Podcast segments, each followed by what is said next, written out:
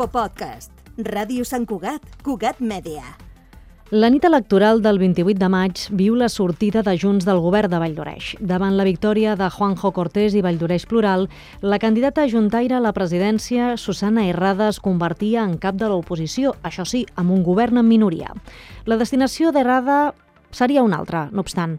L'oposició destapa que la Valldoreixenca seria un dels càrrecs de confiança del nou govern de l'alcalde Vallès com a comissionada de Relacions Institucionals amb el territori. Atrocitat democràtica va ser el titular que l'oposició va dedicar al nomenament, i és que per les esquerres aquest fet va suposar trencar les regles de joc amb una candidata que perd les eleccions a la presidència de Valldoreix i abandona la vocalia a l'oposició per ser assessora l'Ajuntament, després de 16 anys a l'EMAD, 13 d'ells al govern.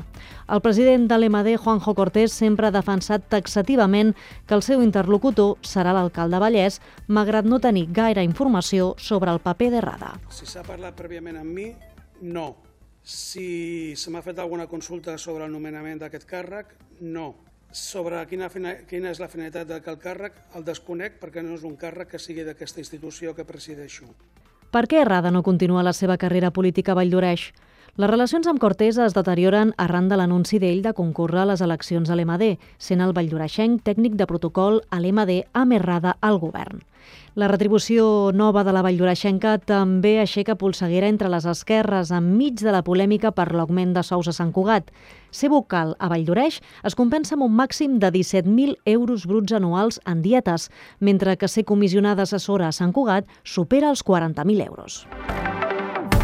Poc se sap a dia d'avui de les funcions d'errada, tret que assessorarà el tinent d'alcaldia de Relacions Institucionals Jordi Puigneró, que assegura que sobretot serà d'especial utilitat per signar el millor conveni possible entre Sant Cugat i Valldoreix. S'hi suma el tinent d'alcaldia d'Economia, Carles Brugaroles, que considera que un govern escull els millors professionals per l'organització, com va fer el tripartit d'Esquerres. Això de l'atrocitat democràtica, etc em sembla una mica un acudit. Jo crec que la relació entre l'Ajuntament i la MD té claríssims àmbits de millora eh, i que la, les etapes recents claríssimament ho demostren. Eh? L'Avinguda del Baixador és un exemple clamorós. Per tant, en, en aquest àmbit hi ha grans reptes. La creació del càrrec mobilitza entitats i la classe política d'esquerres fins al punt de fer un manifest demanant la dissolució del nomenament. Són 400 persones i uns 50 càrrecs i excàrrecs electes els que portaran aquestes signatures al ple d'octubre. O sigui que dels 19 càrrecs de confiança de l'Ajuntament, el nomenament d'Errada és, sens dubte, el que més polseguirà aixecat. Amb una dedicació del 80%, el govern pensa en ella per aportar el seu bagatge i experiència en Valldoreix, un rol que alguns veuen injustificat, quan les relacions entre Sant Cugat i Valldoreix han passat etapes més dures, com l'expulsió de Siu del govern de l'MD o les tensions entre el president Puig i el tripartit. Està clar que l'oposició estarà molt pendent del recorregut que té aquesta figura i el valor afegit que tindrà per aquestes dues administracions. Errada té clar quina és la seva prioritat. Us desitjo a tots, a tots, sort i encerts i us poso, em poso perdó, a la disposició del president i dels vocals de Valldoreix per qualsevol cosa que necessiteu.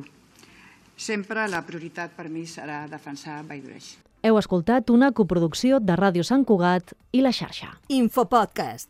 Ràdio Sant Cugat, Cugat Mèdia.